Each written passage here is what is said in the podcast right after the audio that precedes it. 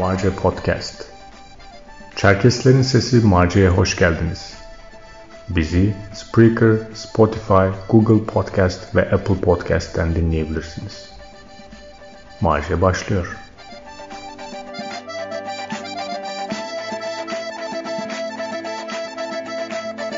Merhabalar, Marca Gündem'in 54. bölümüne hoş geldiniz. Ee, bugün konuşacağımız konu diaspora ile ilgili ama alışık olduğunuz gibi Türkiye diasporasını değil, Ürdün diasporasını konuşacağız. Çoğumuz, çoğunuzun bildiği gibi Çerkesler e, soykırım yaşadıktan sonra e, bir de sürgün yaşadılar. Daha doğrusu sürgün soykırımın e, bir süreci olarak yaşandı. 1864 tarihiyle sembolleştirilen Çerkes soykırımının bir sonucu da Çerkeslerin nüfusunun %90'ına yakınının ana vatanlarından koparak o zamanki Osmanlı coğrafyasına sürgün edilmeleriydi. Bu sürgünün e, bir sonucu da bugün Ürdün dediğimiz topraklarda Çerkes nüfusunun olması. E, Ürdün'deki Çerkesler nüfus olarak e, Türkiye'den sonra en kalabalık diaspora.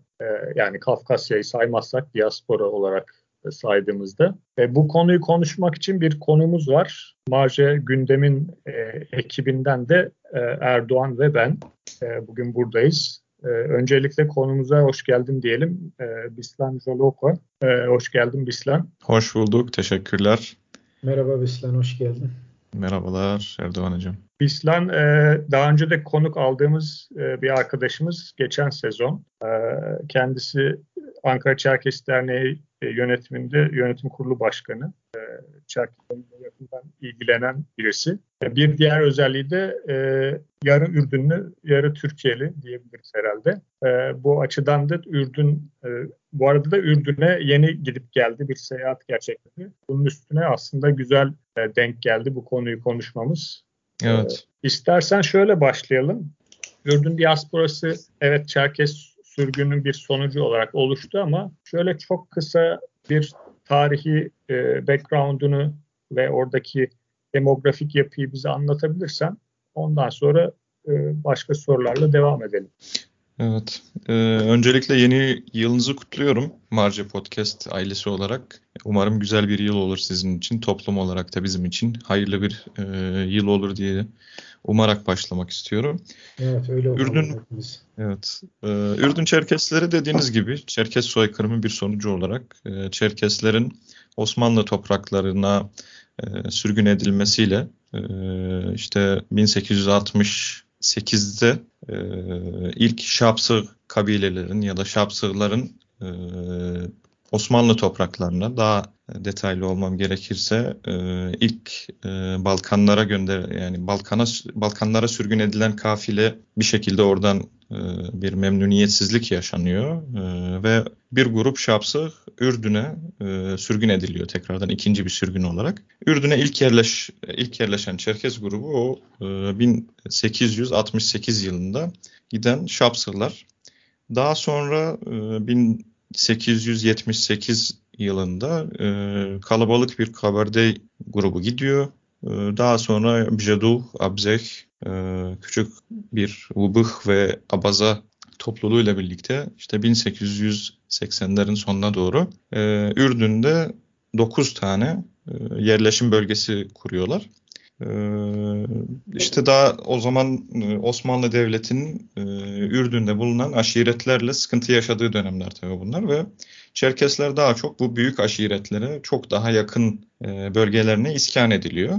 Oradaki amaç da şu, Osmanlı Devleti o aşiret, Arap aşiretlerinden vergi toplayamadığı için gene bir tampon bölge oluşturma hedefi oluyor.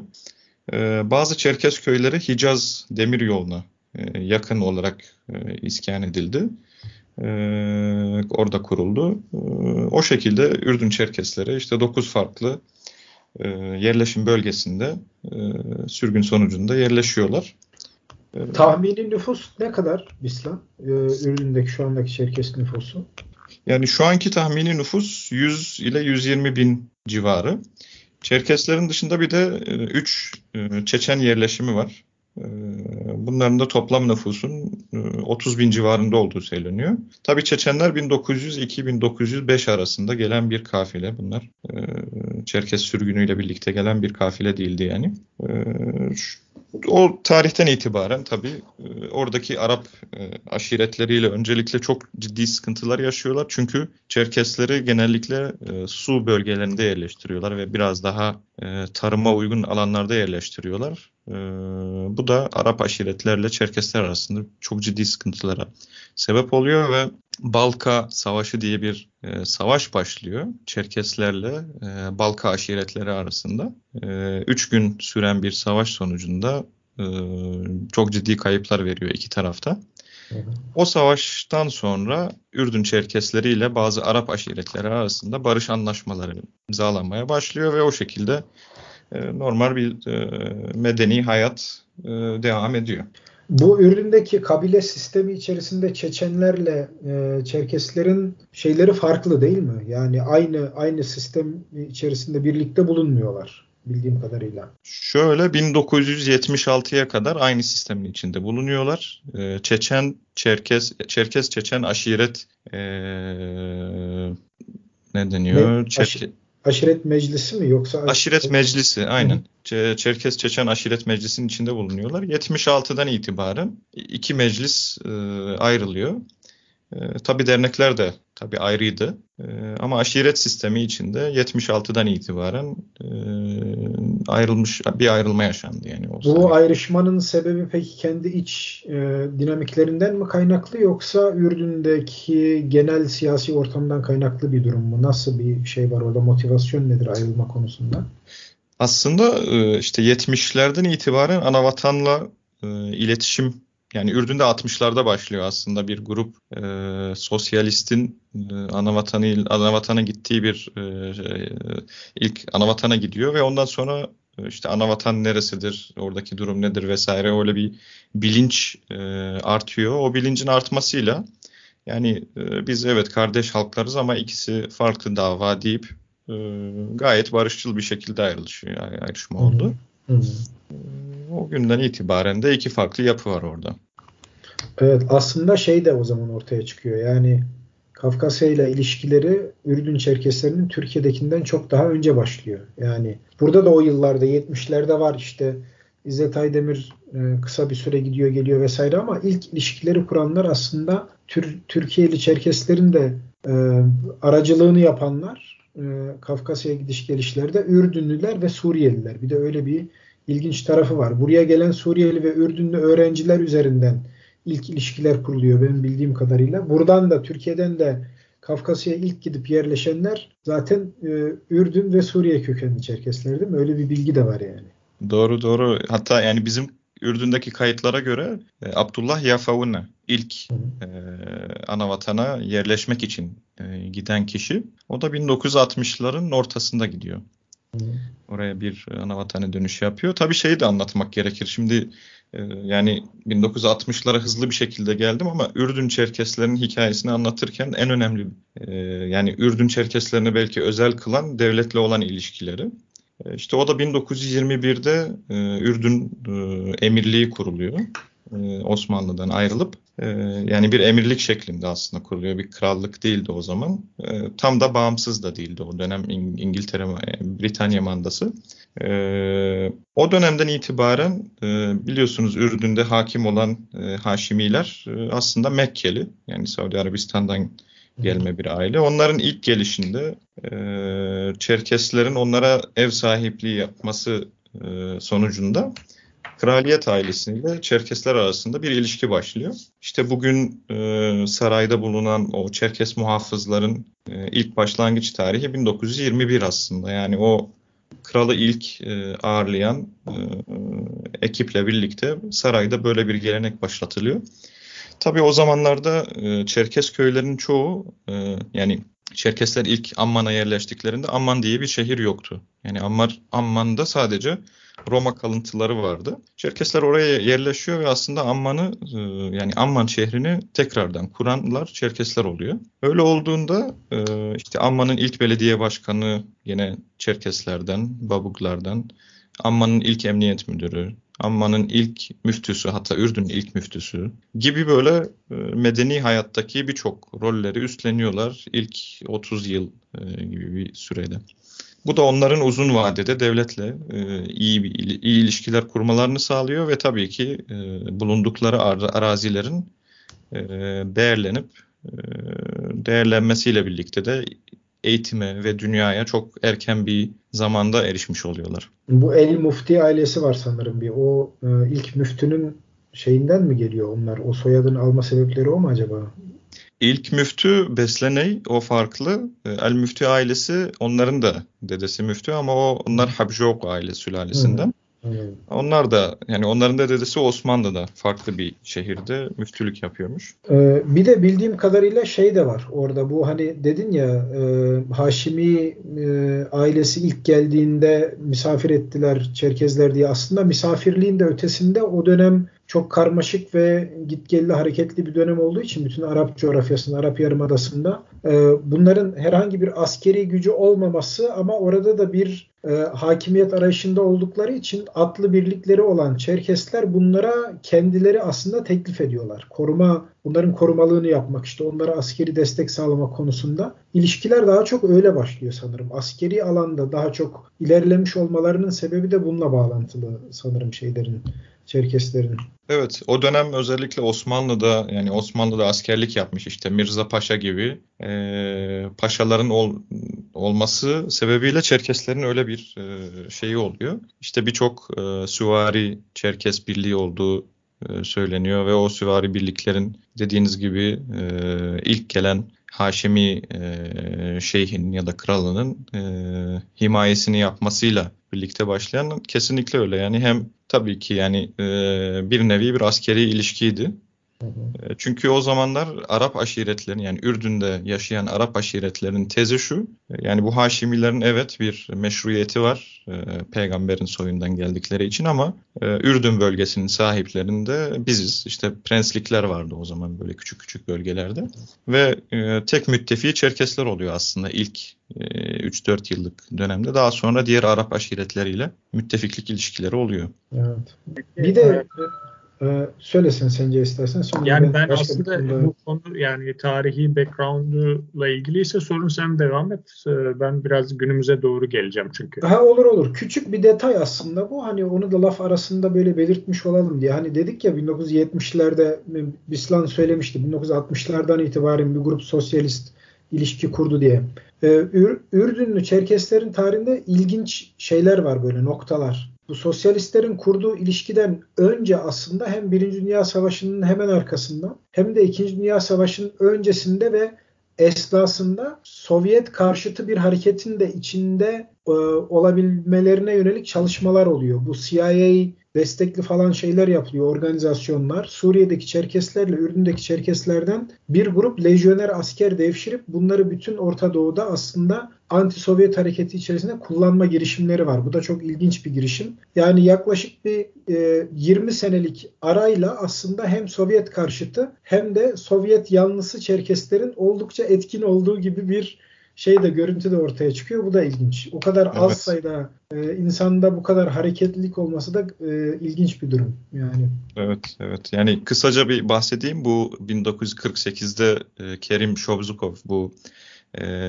Almanlarla birlikte Sovyetlere karşı savaşan Çerkeslerin hikayesini biliyorsunuz. İşte Roma'ya e, iltica ediyorlar ve Roma'dan e, bir heyet geliyor Ürdün'e Ürdün kralıyla görüşüyor bu Kerim Şobzukov ve e, şey anlatıyor. Yani biz Roma'da bir grup e, Çerkeziz. Biz Almanlarla birlikte e, Sovyetlere karşı savaştık ve e, yakında teslim e, edecekler bizi şeklinde bir talebi oluyor. Ürdün kralı da önce 38 kişilik daha sonra işte 86 kişilik iki grubu Ürdün'e getiriyor daha sonra o grup e, işte Tolstoy Vakfı'yla mı değil mi emin değilim bir vakıf aracılığıyla işte Amerika'ya yerleşiyor ve bu Kaliforniya ve New Jersey'de yerleşen Çerkeslerin büyük çoğunluğu aslında o e, o grup işte Kadir Natholar, hmm, Kerim Çöbzukular evet. o, o grubun içinde. Evet.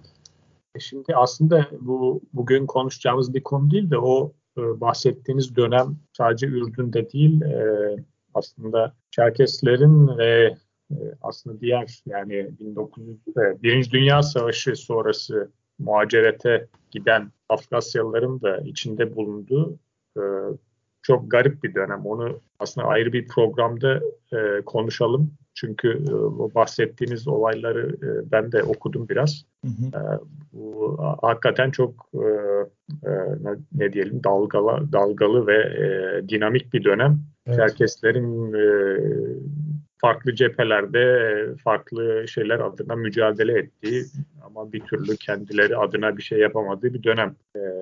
Şimdi Ürdün Çerkesleri nin tarihi background'unu biraz anlattık. Yani bunun çok detaylı da konuşulabilir ama e, bizim esas bugün konuşmak istediğimiz şey bugün ve aslında bugün de gelecek.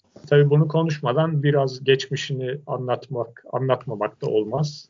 E, şimdi bugüne gelirsek, Ürdün'de Çerkeslerin örgütlü e, yapısını biraz bize anlatır mısın? Yani dernek, grup, vakıf nedir oradaki genel yapı? Evet. Ee, şimdi bugün Ürdün'de yaklaşık 18 e, farklı kurum ve kuruluş var. Bunların en büyüğü Çerkes Hayır Derneği. Bu 1932'de kurulan ve e, Türkiye'deki kafede e, çok ciddi benzeyen bir kurum. Çünkü aynı şekilde Ürdün Çerkes Hayır Derneği de e, Çerkeslerin bulunduğu tüm bölgelerde örgütlenen bir yapı. E, Amman Derneği de genel merkez görevini görüyor. Ee, Çerkes Hayır Derneği aynı zamanda DÇB'nin e, kurucu üyeleri arasında ve bugün hala DÇB üyesi. Ee, Ürdün Çerkes Hayır Derneği ne bağlı? Ee, Çerkes Okulu var. Çerkes Okulu'nun yönetimi de e, yani özerk bir yapısı var ama genellikle e, şeye bağlı. Gene bu büyük derneğe bağlı. Aynı zamanda da bir endüstriyel mutfak var. Yani catering şirketi gibi hizmet veren bir endüstriyel mutfak var. O da bu Çerkes Hayır Kurumu'na bağlı. Bu sebeple Çerkes Hayır Kurumu'nun, e, Hayır Derneği'nin e, çok ciddi bir e, kurumsal yapısı var aslında. Çok eski yıllardan gelen ve bugün aslında Ürdün Çerkeslerinin en meşru yapısı diyebiliriz. Çünkü böyle 6 bin, 7 bin, 8 bin kişinin katıldığı seçimlerle aslında oradaki yönetim kurulları seçiliyor. Ee, Çerkes Hayır Kurumu'nun dışında işte 1940'lardan beri e, faaliyette olan Al Ahli Kulübü var. Al Ahli daha çok işte spor faaliyetleri yapan bir kulüp. Ee, bir de Nibji Şahase dediğimiz Gençlik Derneği var. O da 1949'da kuruldu. O da çok önemli bir kuruluş çünkü e, o da folklor kulübü olarak kuruluyor. Ee, ve Kuba Şaban işte o da aynı şekilde o e, Kerim Şibzukov grubuyla birlikte Ürdün'e geldiğinde işte bugünkü Adigey Cumhuriyeti'nin bayrağı olan e, Çerkes bayrağı dediğimiz e, bayrağın 1952'de mesela bir tiyatroda kullanıldığını görüyoruz. Ve e, Nibjuşah Yasen'in Alcil dediğimiz bu kulübün Ürdün'deki Çerkeslerin uyanışında çok ciddi bir emeği oluyor. Çünkü ilk Çerkezce tiyatro, işte ilk Çerkez bayrağı kullanımı, e, Çerkezce e, yazıların yazılıp e, dergilerin basıldığı bir dönem. Bu üç kurum aslında Çerkeslerin Ürdün'deki üç geleneksel kurumu. Ama bugün bugün geldiğimizde işte 18 farklı kurum var. Bunlardan bir tanesi Ürdün'deki kurulan Nar TV. Bunlardan bir tanesi işte Nalçık Mezunları Derneği gibi daha böyle sonradan kurulan kurum ve kuruluşlarımız var. Bir de e, Çerkes Aşiret Meclisi diye bir meclis var. Bu meclisi e, bu meclis seçimle değil e, Kraliyet Sarayı tarafından tayin yoluyla belirleniyor. E, Çer, onun başkanı da Çerkeslerin muhtarı sıfatını alıyor. Yani aslında Çerkeslerin kraliyete karşı resmi temsilcisi oluyor. Ama tabii e, Çerkes Hayır Derneği'nin seçimlerle geldiği için e, toplum tarafından e, meşruiyetli yani asıl temsilci o olarak görülüyor. Yani Çerkes Hayır Derneği'nin başkanı olarak görülüyor. Ee, kurumsal yapı açısından Türkiye'ye karşılaştırdığımız zaman dediğim gibi Ürdün'deki Çerkeslerin 1930'lardan günümüze kesintisiz bir şekilde geldikleri için e, Türkiye'ye göre daha güçlü bir kurumsal yapı var. E, yani Türkiye ile karşılaştırdığımız zaman işte e, İstanbul'da 1908'de Çerkes Taun Cemiyeti kuruluyor. Daha sonra böyle bir 40 yıllık bir kesinti süresi var. Ürdün'de o yaşanmadığı için o kurumsal yapı bugüne kadar devam etti ve Türkiye'den en büyük farkı da şu. E, orada Çerkesler sadece derneklerde değil, e, dernek de var, televizyon da var, okul da var, spor kulüpleri de var, e, siyasi oluşumlar da var. Yani bütün örgütlülüğü sadece derneklerin içinde tutmamışlar. Bu da onların toplumun yani toplumda görünür olmalarını sağlıyor. Peki bunun asimilasyon konusunda bir şeyi oluyor mu? Yani Türkiye'deki şey durumu da sen çok iyi biliyorsun mesela bu asimilasyon meselesi hem devletin resmi politikaları hem de işte toplumun dağınık bir şekilde genel nüfus içerisinde yaşaması nedeniyle çok hızlı ilerledi. Yani çok daha fazla Çerkez var Türkiye'de Ürdün'dekine göre. Ama sanki asimilasyon biraz daha yoğun oldu gibi mi burada? Yani bana dışarıdan bakınca öyle gibi görünüyor. Tabii ki mekanizmalar farklı ama sen ne dersin? Kesinlikle öyle. Yani e, bu cümleyi tekrarladığımda belki e, gene bir sıkıntı olmaz e, Deutsche Welle'nin haberi gibi. E, gerçekten de öyle yani. En fazla nüfus Türkiye'de yaşıyor ve en büyük asimilasyon Türkiye'de yaşandı. Yani bu bir gerçek. Ürdün'de durum farklı oldu. Ee, dediğim gibi Ürdün'deki Çerkeslerin Amman bölgesinin yani e, hem nüfus olarak orada kalabalıklar hem de arazilerin de sahipleri oldukları için onlara karşı böyle negatif bir e, söylem oluşturmak hiçbir hükümetin e, lehine olacak bir şey değildi o dönem. Daha sonra işte 46'da Ürdün bağımsızlığını kazanıyor ve İsviçre modelli bir anayasa e, kabul ediliyor. E, o anayasada da Çerkesleri resmi olarak bir azınlık olarak kabul ediliyor. Yani anayasada geçen bir metinde e, Çerkeslerin, Çeçenlerin ve Hristiyanların bu ülkenin azınlıkları olarak kabul edildiği için e, hukuki bir metin de var. Ee, onun anlamda Ürdün devletinin böyle Çerkesleri asimile etmek üzere ciddi bir çabası olmadı. E, fakat ne oldu? Daha çok böyle Ürdünlülük üzerine kurulu bir e, baskı mekanizması oluşturuluyor. Evet. Ama Ürdün evet. Çerkeslerinin mesela dil yani ana dil bilme oranları e, Ürdün devleti tarafından tam tersi teşvik edilirken oradaki Çerkesler de e, ana dillerini kaybetti. E, bunun da birçok sebebi var ama şehrin yani benim örneğin benim dedemin yaşadığı köy şu an Amman şehrinin tam merkezi işte Ankara'daki Ulus veya İstanbul'daki Beyoğlu gibi bir yerde kaldığı için orada salt bir Çerkes e, yerleşiminden bahsedemiyoruz. Yani orası artık şehrin e, bir mahallesine dönüştüğü için ne yazık ki Çerkesçi orada e, çok devam edemedi. Şu an mesela benim yaşıtımdaki arkadaşlarımın çoğu ana dillerini bilmiyor. Benim anladığım kadarıyla şöyle bir şey var o zaman. Bu Türkiye'de hani şeyle hani devlet politikası olarak Çerkezleri asimile edip nüfus içerisinde eritme gibi bir şey söz konusuyken orada da işte saray tarafından ya da e, devlet tarafından atanan işte az önce dediğin muhtar vesaire gibi mekanizmalar aracılığıyla bir tür entegrasyon çabası var değil mi? Devlete o şekilde Çerkezleri entegre evet. etme gibi bir politika var sanırım. Anlaş, anlaşılan öyle yani bu şeyden. Aynen öyle. O genellikle de işte o dediğiniz gibi o muhtar gibi veya işte mesela Çerkeslerden genel kurmay başkanları oluyor. E, emekli olduktan sonra gene o toplumsal e, yani kurumların içinde devam ediyorlar. Örneğin Fawaz Mahir e, Ürdün Genel Kurmay Başkanıydı. Daha sonraki dönemlerde yaklaşık 10 yıllık bir dönemde dernek başkanlığı yaptı. Ee, işte o tarz mekanizmalarla e, aslında devlete olan bağlılık oradaki esas. Yani bir Ürdünlü kimliği e, yaratılıyor. O Ürdünlü kimliğini kabul eden Çerkes, Çeçen, Ermeni, işte Müslüman, Hristiyan onun çok bir önemi yok aslında. Yani onu kabul eden herkes özgürce yaşayabiliyor. Şeyi sormak istiyorum. Okul e, dedin. E, yani benim e, tabii bir sürü kurum var. Onların farklı fonksiyonları vardır elbet. E, okul dikkatimi çekti. E, ne kadar bir e, öğrenci katılıyor bu okula? E, ve yani okuldan mezun olan öğrenciler e, mesela dil konusunda ne kadar yetkin mezun oluyorlar? Ee, bunun geçmişten bugüne doğru şeyini anlatır mısın? Yani ne kadar kişi e, geçmişte vardı, şimdi ne kadar öğrencisi var? Ee, Ürdün Çerkes, yani Ürdün'deki Çerkes okulunun adı Prens Hamza Okulu. Ee, şu anki kralın küçük kardeşi Prens Hamza. Ee, şu anki okulda öğrenci sayısı 1250 civarında. Ee, okulda lise eğitimi, ortaokul, ilkokul, e, anaokulu ve kreş e, eğitimleri var. Ben de mesela e, o okulda okudum. 4 yaşında girdim kreşten. 18 yaşında e, liseyi bitirmiş olarak çıktım.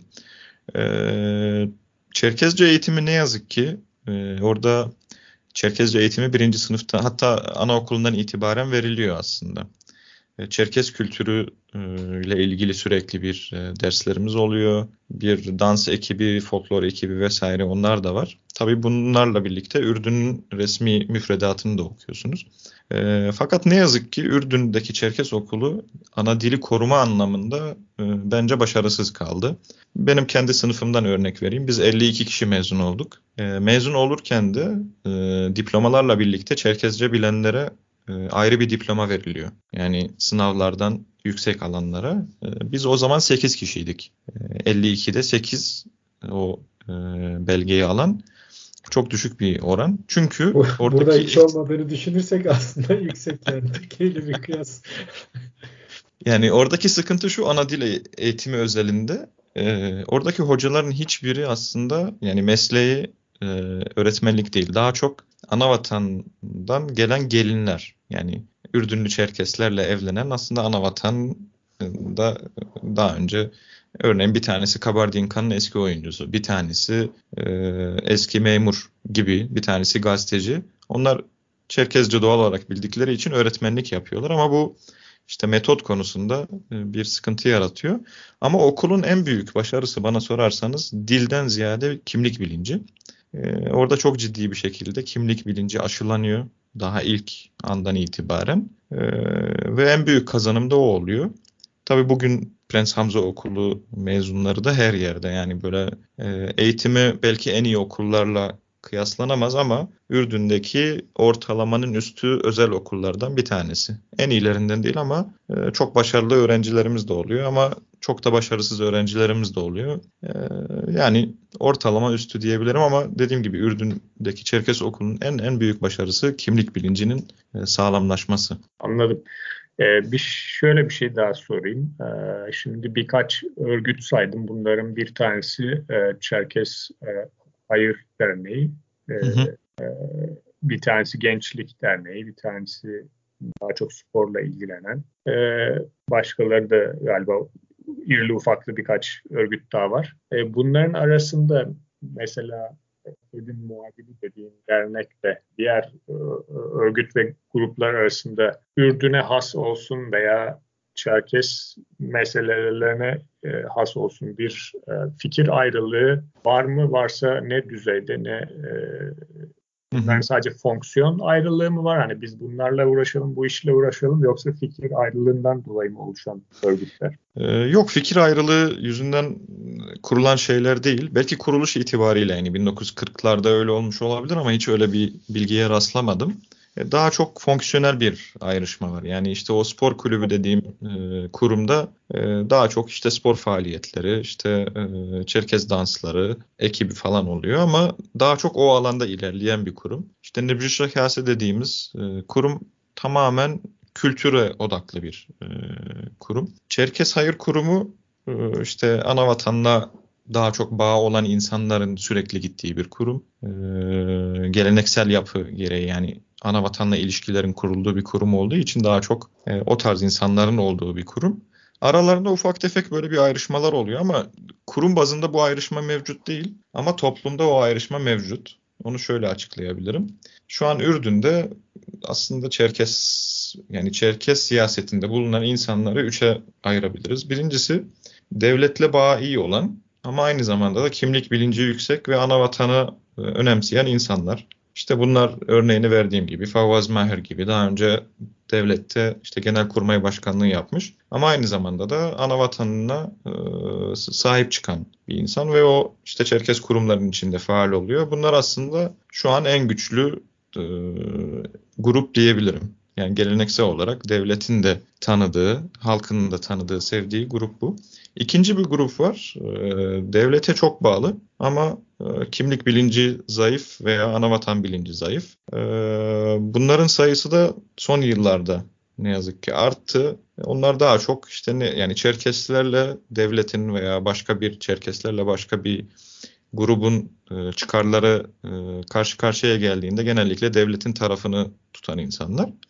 E, bir de devletle bağı olmayan hiçbir şekilde hatta devlete bazı kırgınlıkları olan e, ama anavatan bilinci yüksek, kimlik bilinci yüksek bir grup var. Yani ve bu üç grupta bütün kurumlarda bulabilirsiniz yani bu e, şeyde. Aralarında böyle çok keskin bir ne bir ideolojik mesele var ne de bir e, siyasi mesele var. Peki böyle Ürdün'ün kendi toplumsal siyasal yapısıyla da bağlantılı bir şekilde yani orada e, muhalefet grupları var mı? Bu muhalefet gruplarıyla Çerkezlerin ilişkileri nasıl?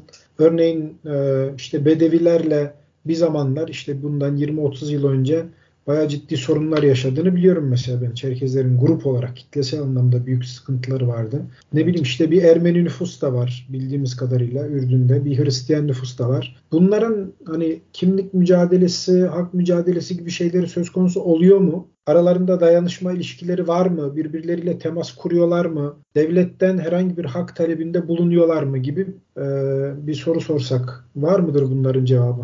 Ee, aslında var. Ee, yani örneğin e, işte Çerkeslerle Çeçenler arasında böyle bir dayanışma tarihsel olarak var.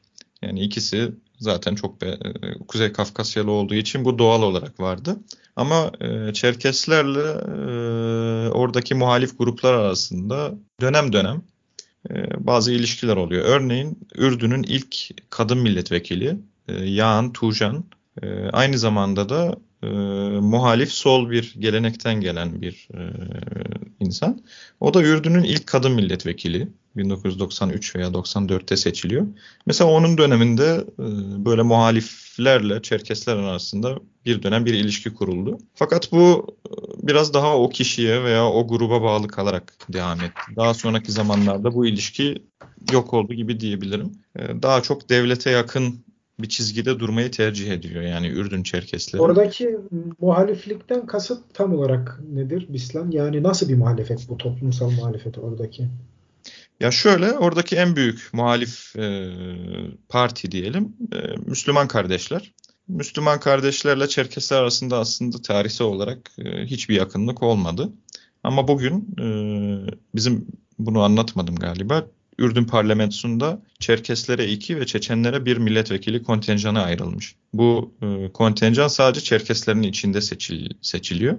E, ama yani sadece Çerkes adayı olabiliyor ama oradaki Çerkes olmayanlar oy verebiliyor. Bu sebeple mesela bu son seçimlerde Müslüman kardeşler Çerkes asıllı bir e, milletvekili adayı e, gösterdiler ve o seçildi. Çünkü e, kendi partisinin oylarıyla seçildi. Çerkeslerin oylarıyla seçilmedi mesela. Ee, bu da yeni kurulan bir ilişki. Yani geleneksel olarak Çerkeslerle Müslüman kardeşler arasında hiçbir ilişki yokken artık bizim Müslüman kardeşlerden bir milletvekilimiz oldu mesela.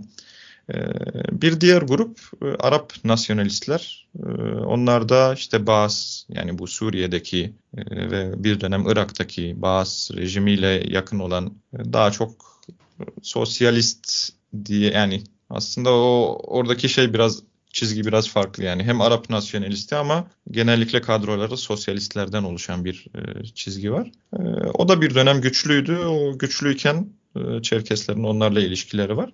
Bir de yeni bir muhalefet türü şimdi gelişti son 10 yılda. O da Ürdünlü Arap aşiretleri. Yani e, onlar da e, biliyorsunuz Ürdün'ün yaklaşık yüzde nüfusun yüzde 50'si Filistinlilerden oluşuyor.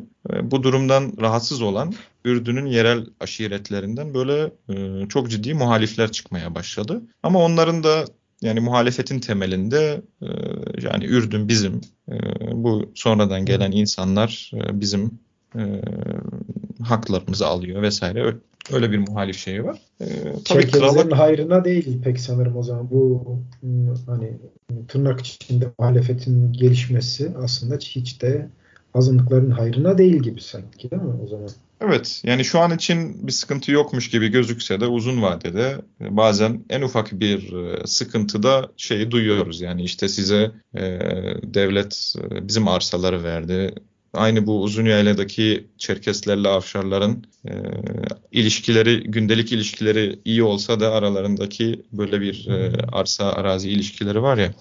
Ona çok benzer bir şekilde yani işte örneğin daha bugün Ürdün Merkez Bankası e, Çerkeslerden bir e, beyefendi seçildi. E, aynı şekilde devletin farklı kademelerinde böyle Çerkesler sayıca fazla olduğunda özellikle Ürdünlülerde çok ciddi bir rahatsızlık olduğunu gözlemleyebiliyoruz. Böyle bir e, konuyla devam etmek istiyorum. Bu e, aslında benim de e, anlamak için soracağım bir soru. Çünkü e, tabii e, şöyle bir e, anekdot var. Soçi e, 2014 Soçi Olimpiyatları öncesi e, buna muhalif olan e, benim de dahil olduğum e, örgütlerin yani işte Türkiye'de Kafkasya Forumu, Amerika'da e, Kültür Enstitüsü, yine bu kampanyaya katılan Türkiye'den başka örgütler de vardı tabii de. Yani bunların oluşturduğu işte bu No Soçi hareketi vardı. No Soçi'ye e, Ürdün'den de e, hani birileri katılsın. İsrail'den, Ürdün'den, Suriye'den e, açıdan biz uğraştık. Katılımlar da oldu. Hani bu e, aslında spontan gelişen şeylerdi. Genelde 21 Mayıs'ların öncesinde e, bu katılım veya 21 Mayıs dolayısıyla oluyordu. Ama organik bir bağ kurmakta zorlandık. Yani daha böyle e, sürekli bir bağ kurmakta zorlandık. E, o zaman ben e, iletişim halindeydim Ürdün'den, e, İsrail'den e, bazı e, Çerkes aktivistlerle.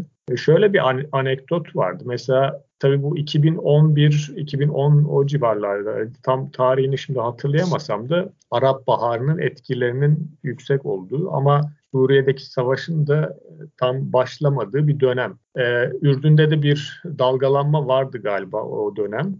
Ee, Hatta şunu hatırlıyorum. Ee, biz işte e, Taksim'de bir eylem yapacağımız zaman e, işte New York'ta, ne bileyim Londra'da, işte e, Berlin'de veya Münih'te de eylemler yapılıyordu. Ya aynı gün ya bir gün öncesi e, ve aynı sloganlarla. Yani bu kampanyayı güçlü hale getirmek için uyguladığımız bir e, taktikti. E, buna e, Suriye'den, İsrail'den, Ürdün'den de katılımlar oldu ara ara. Hı hı. Ama şöyle bir şey hatırlıyorum. Ürdün'deki arkadaşlar bize dediler ki biz e, e, herhangi bir bayrak ta- taşıyamayız dediler. Yani bayrak şeklinde olan e, üstündeki sembolün çok önemi yok. Çerkes bayrağı olur, No Soçi bayrağı olur, e, bir e, yazı olur. E, bunu taşıyamayız. E, onun için hani biz takım pankartlar hazırlayacağız. Onun üstüne işte yazacağız ortak sloganları. İşte so, soykırım toprağı, Soçi vesaire neyse artık. E, tamam dedik yani yapamıyorsanız yapacak bir şey yok. Ama yani bugün e, seni senin yorumlaman istersem bu acaba Arap Baharı'nın gerginliğinin bir sonucu muydu yoksa Ürdün'de e, e, böyle bir sıkıntı mı var? Yani Çerkez bayrağını insanlar taşıyamıyor mu sokakta veya herhangi bir başka bir bayrağı? Hı hı. Yani bunun esas ya. background'u ne olabilir? Hı hı.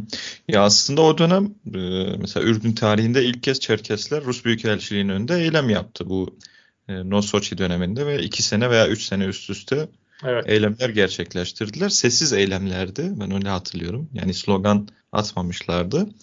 Ee, şimdi Çerkez bayrağını Ürdün'de çok rahat bir şekilde kullanabiliyorsunuz. Hatta yani derneğin e, girişinde Ürdün bayrağının yanında Çerkez bayrağı da e, sürekli durur yani orada hiçbir şekilde bir sıkıntı yok. E, şehrin içinde de açabilirsiniz vesaire. Ama o dönem dediğiniz gibi Arap Baharı'nın da e, yeni başladığı ve Ürdün'de bir takım sıkıntıların yaşandığı bir dönem olduğu için muhtemelen belli izinler çerçevesinde yani o protesto kabul edilmiştir.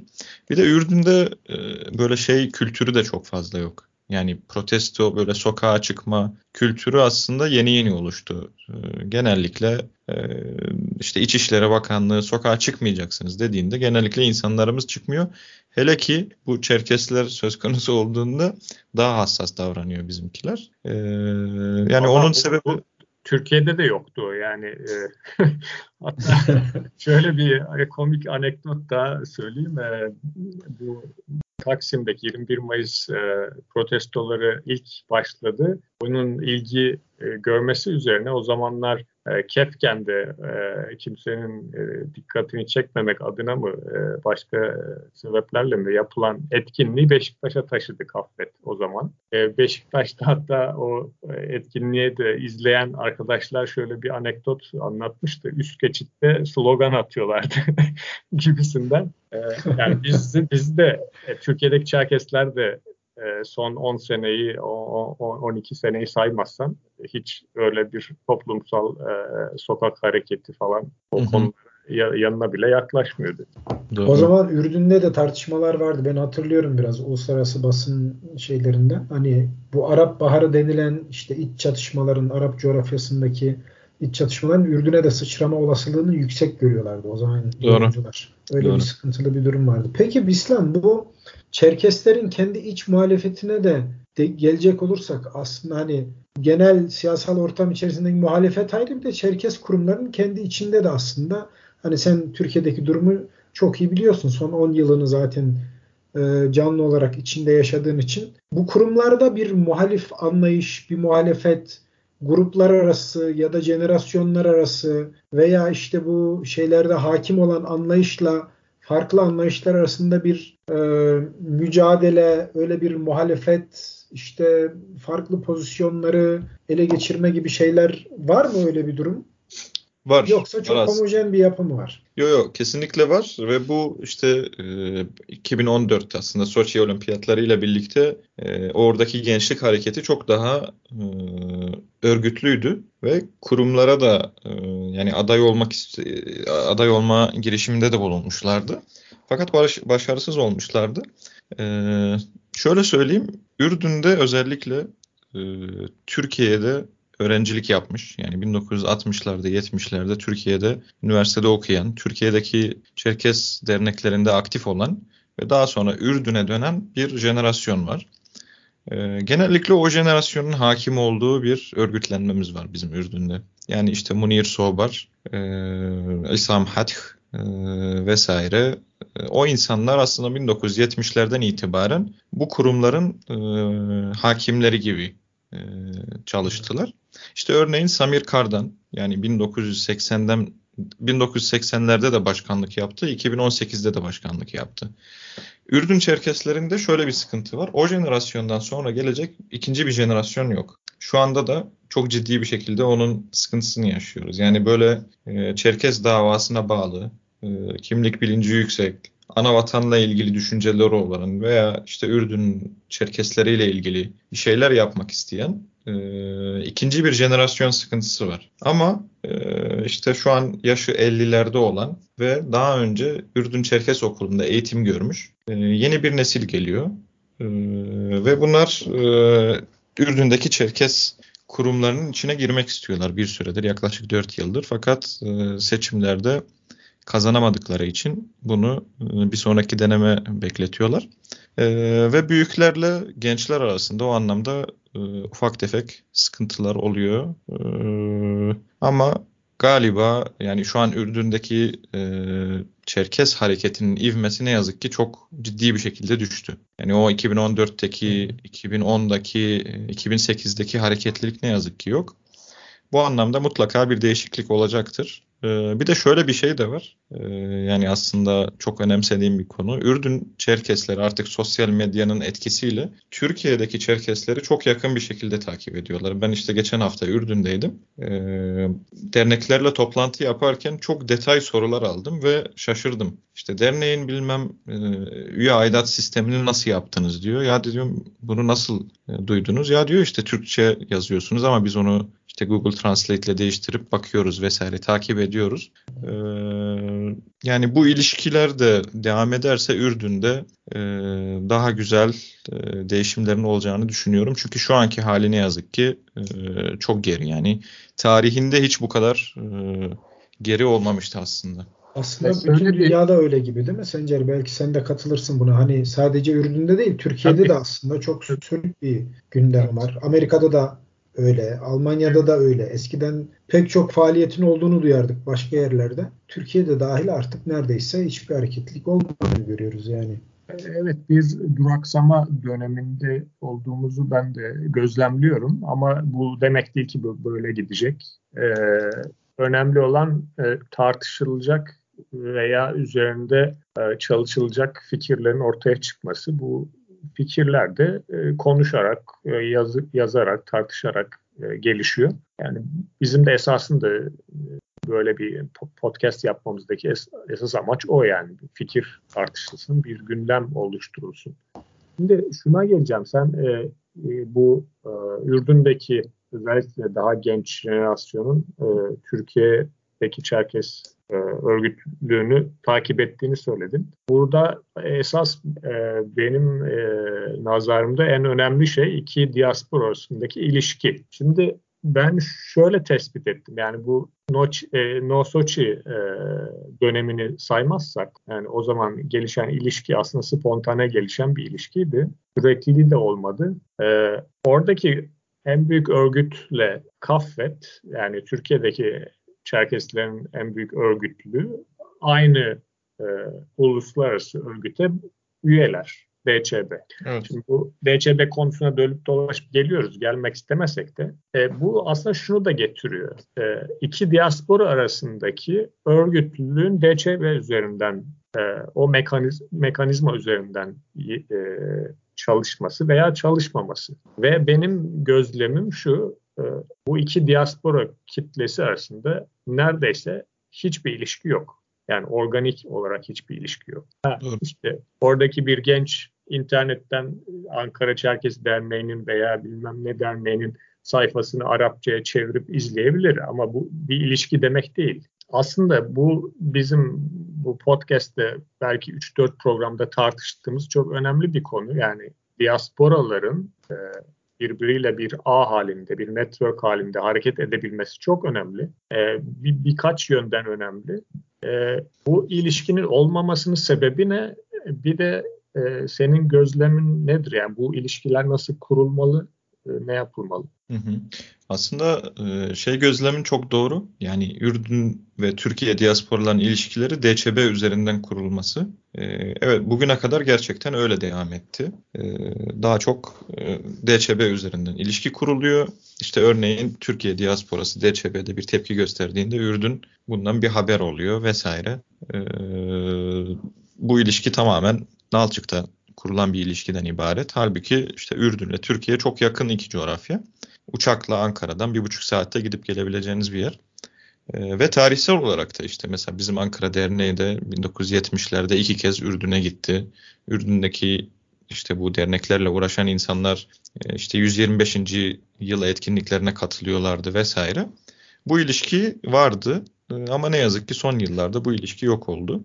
E, şimdi benim böyle bir tezim var aslında. Yani e, şimdi Ürdün Çerkeslerini anlattık ve Ürdün Çerkeslerini anlatırken genellikle oradaki kurumsal yapının başarısından yani hep onu anlatıyoruz. Niye işte farklı farklı kurumları var ve bu kurumlar çok uzun yıllardır devam ediyor. Türkiye'de ise mesela çok farklı bir süreç var. Mesela Türkiye'deki Çerkeslerin veya Kuzey Kafkasyalıların entelektüel birikimi e, çok farklı. Yani e, burada neredeyse her ay Çerkeslerle ilgili bir kitap basılıyor. E, akademik çalışmalar çok farklı düzeyde. Ürdün'de örneğin e, akademik çalışmalar çok daha az. Yani e, iki diasporanın da avantajları ve dezavantajları da var. E, bu anlamda Ürdün diasporası ile Türkiye diasporasının ilişkilerin gelişmesi e, her iki diasporada da e, kimlik bilincinin yükselmesi anlamına gelecek. Özellikle genç neslin yani ben onu çok düşünüyorum kendi derneğim içinde. Yani derneğimizde örneğin e, aktif gençler var. E, bu gençlerin de ana vatana gitmesini sürekli e, uğraşıyoruz. Onların oradaki gençlerle iletişime geçmesine emek veriyoruz. Ama genellikle ana dilini bilmediği zaman iletişimde sıkıntı çekiyor. Ama Ürdün diasporasında öyle bir şey var. Artık yani İngilizce ortak bir dil. Türkiye diasporasında da artık İngilizce yoğun bir şekilde gençler tarafından kullanılıyor. E, bu anlamda ciddi bir potansiyel görüyorum ben ve e, yani iki diasporun arasındaki kültürel e, ilişkilerin, siyasal ilişkilerin e, çok daha iyi olması gerektiğini düşünüyorum. Ve ben de hem bir Ürdünlü ve bir Türkiye'li olarak e, yani bu sorumluluğu da biraz üzerimde hissediyorum. Çünkü kurumsal ilişki olmadığı için e, birilerinin üzerinden gidiyor bu ilişki. Ama benim isteğim şu, e, yani bir yıl sonra artık bana ihtiyaç duyulmadan e, işte örneğin İstanbul'da e, FC 1864 diye bir kulüp var. Ürdün'de Al Ahli kulübü var. O iki evet. kurum arasındaki ilişkiyi biz kuralım. Onlar kurumsal devam etsin. Kaffet'le oradaki dernek devam etsin. Gibi gibi bu ilişkilerin kurumsal bir düzeye çıkması gerekiyor. Bir de e, şöyle bir durum da var yani Ürdün Çerkeslerinin finans konusunda e, Türkiye Çerkeslerine göre durumlarının daha iyi olduğu bir gerçek. Yani kurumlar bazında söylüyorum bunu. E, bu da işte bazı örneğin büyük konferansların veya maliyetli bazı organizasyonların Ürdün'de yapılması çok daha kolay oluyor Türkiye'ye göre. Ee, yani bu tarz ilişkileri geliştirmemiz bence e, ana vatana da olumlu bir etkisi olacak. Çünkü ben e, geçen Nalçık Mezunlar Derneği'nden bir kişiyle görüştüğümde e, dernek üye sayısının 800 olduğunu söyledi. Yani 800 mezun var. Örneğin yani bu çok ciddi bir potansiyel. E, demek ki yani bizim insanlarımız aslında Türkiye'den ana vatana dönüş yapmış insanlarımız, Ürdün'den dönüş, ana vatana dönüş yapmış insanlarımız arasında da bir ilişki yok. Ee, bu da bir dezavantaj. Yani bu ilişkilerin daha güçlü bir şey bir hal alması için hepimizin e, sorumluluklarımızı yere getirmemiz gerekiyor ve özellikle burada sorumluluk bence Türkiye'de Kaffet e, Kaffe'de düşüyor. Umarım bu dönem onlar da e, dış ilişkiler birimi kurmuşlar galiba yeniden. E, Ürdün'le öyle bir ilişkilenmeye giderlerse çok daha iyi olacaktır. Ya bu ilişki aslında hani bizim e, tahmin ettiğimizin çok daha ötesinde bir anlam da taşıyor. Çünkü diaspora bu klasik diaspora çalışmalarında diaspora denilen şey hani sanki e, Türkiye'de bir diaspora varmış, Ürdün'de bir diaspora varmış gibi konuşuyoruz ya biz genel olarak. Öyle bir durum yok aslında. Bir tane Çerkez diasporası var ve bunun farklı parçaları var. Türkiye'de, Ürdün'de, Amerika'da, Almanya'da vesaire. Bu şey gibi bu hani yaşlı kadınlar eskiden evde kalmış böyle farklı farklı bez parçalarını dikip 40 yama yaparlardı ya işte. Yastık Hı. örtüsü yaparlardı, yatak örtüsü. Şimdi bir sürü küçük parçayı birbirine dikiyorsun, o bir bütün haline geliyor. Yani üstünde bir inanılmaz bir çeşitlilik var ama bir ucundan çektin mi o tarafa doğru gidiyor bir bütün halinde. Diaspora da böyle bir şey olmak durumunda. Yani Türkiye'deki kitle, e, Çerkez kitlesi tek başına aslında bir diaspora teşkil etmiyor. Diaspora birbiriyle sürekli temas halinde, birbirini etkileyen, birbirini e, nasıl diyelim motive eden, dinamik bir bütün haline geldiği zaman kazandığı bir nitelik oluyor. Bu anlamda belki de diasporalaşma süreci ne girmesi gerekir belki de Çerkeslerin. Şimdiye kadar hakikaten vardı işte 70'li yıllarda da kuruldu ilişkiler. İşte Ürdün'deki Suriye'deki Çerkeslerle Türkiye'deki Çerkesler arasında kuruldu ilişkiler ama bu ilişkiler kurumsal bir nitelik kazanamadı. Ve bence büyük oranda bu ilişkilerin diaspora e, kurumları üzerinden yürütülmemesi fakat işte Rusya merkezli diyeceğim artık anavatan merkezli falan değil. Rusya merkezli ilişkiler kurulması nedeniyle e, kurumsallaşamadı. Böyle de bir handikapımız var maalesef. Bu ilişkinin bir şekilde kurulması diaspora olmanın da gereği aslında. Diaspora olmak zaten böyle bir şey. Kesinlikle. Evet. Ee, şöyle e, bu aslında bu konu çok da uzun tartışılabilir e, bir beyin fırtınası yapılabilir. Ben de çok ilgimi çeken bir konu ama e, süremizi aslında aştık. E, son söyleyeceğiniz e, bunu söylemeden bu programı bitirmeyelim dediğiniz bir şey varsa onları e, alalım ondan sonra toparlayalım derim. Bislan sana söz vereyim. Hı hı. Ee, ya aslında Ürdün diasporası ile ilgili e, konuşurken orada şunu görüyoruz. Aslında bir siyasal tercih yapılmış. Yani e, iki taraflı hem devlet tarafından yani Çerkesleri tanıyarak resmi olarak tanıyarak işte onların e, haklarını vererek e, işte dediğim gibi anayasal bir metinde Çerkeslerin geçiyor olması, Çerkeslerin bugün işte okula sahip olması, televizyona sahip olması vesaire gibi sonuçlar doğuruyor. E, aynı zamanda da ilişkilerin şey e, aynı zamanda da Çerkeslerin de devletle olan ilişkilerinde de e, sıkıntı çıkarmadan orada var olmak gibi bir siyasi tercih var aslında. Ve bu siyasi tercihin de e, Ürdün örneğinde e, olumlu sonuçlara e, sebep verdiğini görüyoruz. Yani olumlu sonuçlar verdiğini düşünüyoruz, görüyoruz. Ama mesela Suriye'de aynı şeyi söyleyemem. Orada tek taraflı bir ilişki var. Çerkeslerden bağlılık bekleyen bir rejim var ama karşılığında hiçbir hak e, vermeyen bir rejim var. Bu anlamda bu bir yerde tutarken illa diğer bir ülkede tutmak zorunda değil. Yani Ürdün örneği gerçekten özel bir örnek. Aslında tarihi şeyi anlatmamın isteği de o. Yani çünkü e, onun yani o, o ilişki o şekilde kuruldu. Belki 20 yıl sonra kurulsaydı o şekilde kurulmayacaktı. Farklı kurgulanacaktı. Ee, bu anlamda Ürdün'le iletişim yani Türkiye diasporası olarak Ürdün Çerkesleriyle iletişimimizi artırmamız gerekiyor. Ee, ben bir büyüklerle gençler arasındaki ilişkiyle ilgili bir şey sormuştunuz. Orada bir not almıştım. Ee, bunun en belirgin örneği Nart TV. Nart TV 2007'de yaş ortalaması 22-23 e, olan bir grup gencin kurduğu bir televizyon. Ben de o zaman kurucular arasında bulundum. 17 yaşındaydım. 18 ee, yaşımda da Türkiye temsilcisi olmuştum televizyonun. Böyle e, tamamen amatör bir şekilde kurulan bir kurumdu. 2010'da e, büyüklerle gençler arasında bir e, sıkıntı yaşandı. Büyükler o kanalı sıfırdan kuran genç ekibi tamamen devre dışı bırakarak kendileri ele geçirdiler. Şu an Nar TV hala var geçenler TV'nin e, yeni bir sorumlusu oldu tabii o e, büyük o yani bizi kurumdan çıkaranlar değil de başka bir ekip gelmiş şu an. Onunla konuştum. E, IPTV'den yayın yapıyor ve sadece 120 abonesi olduğunu söyledi bana.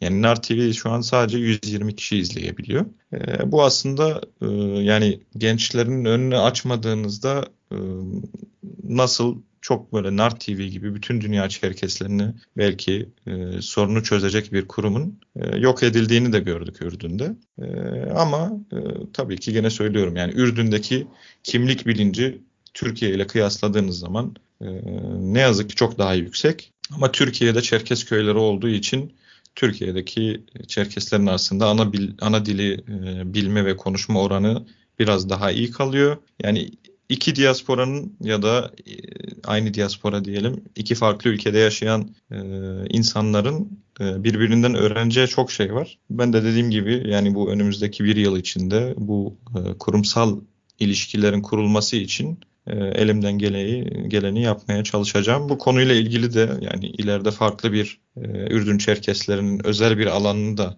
konuşmak isterseniz memnuniyetle katılmak isterim yani. O çok çok iyi olur. Ee, aslında bunu ben de önerecektim. Ee, iyi bir fikir. Bunu konuşalım. Başka bir programda dolu dolu konuşalım. Hı hı. Ee, dediğin evet. gibi çok önemli.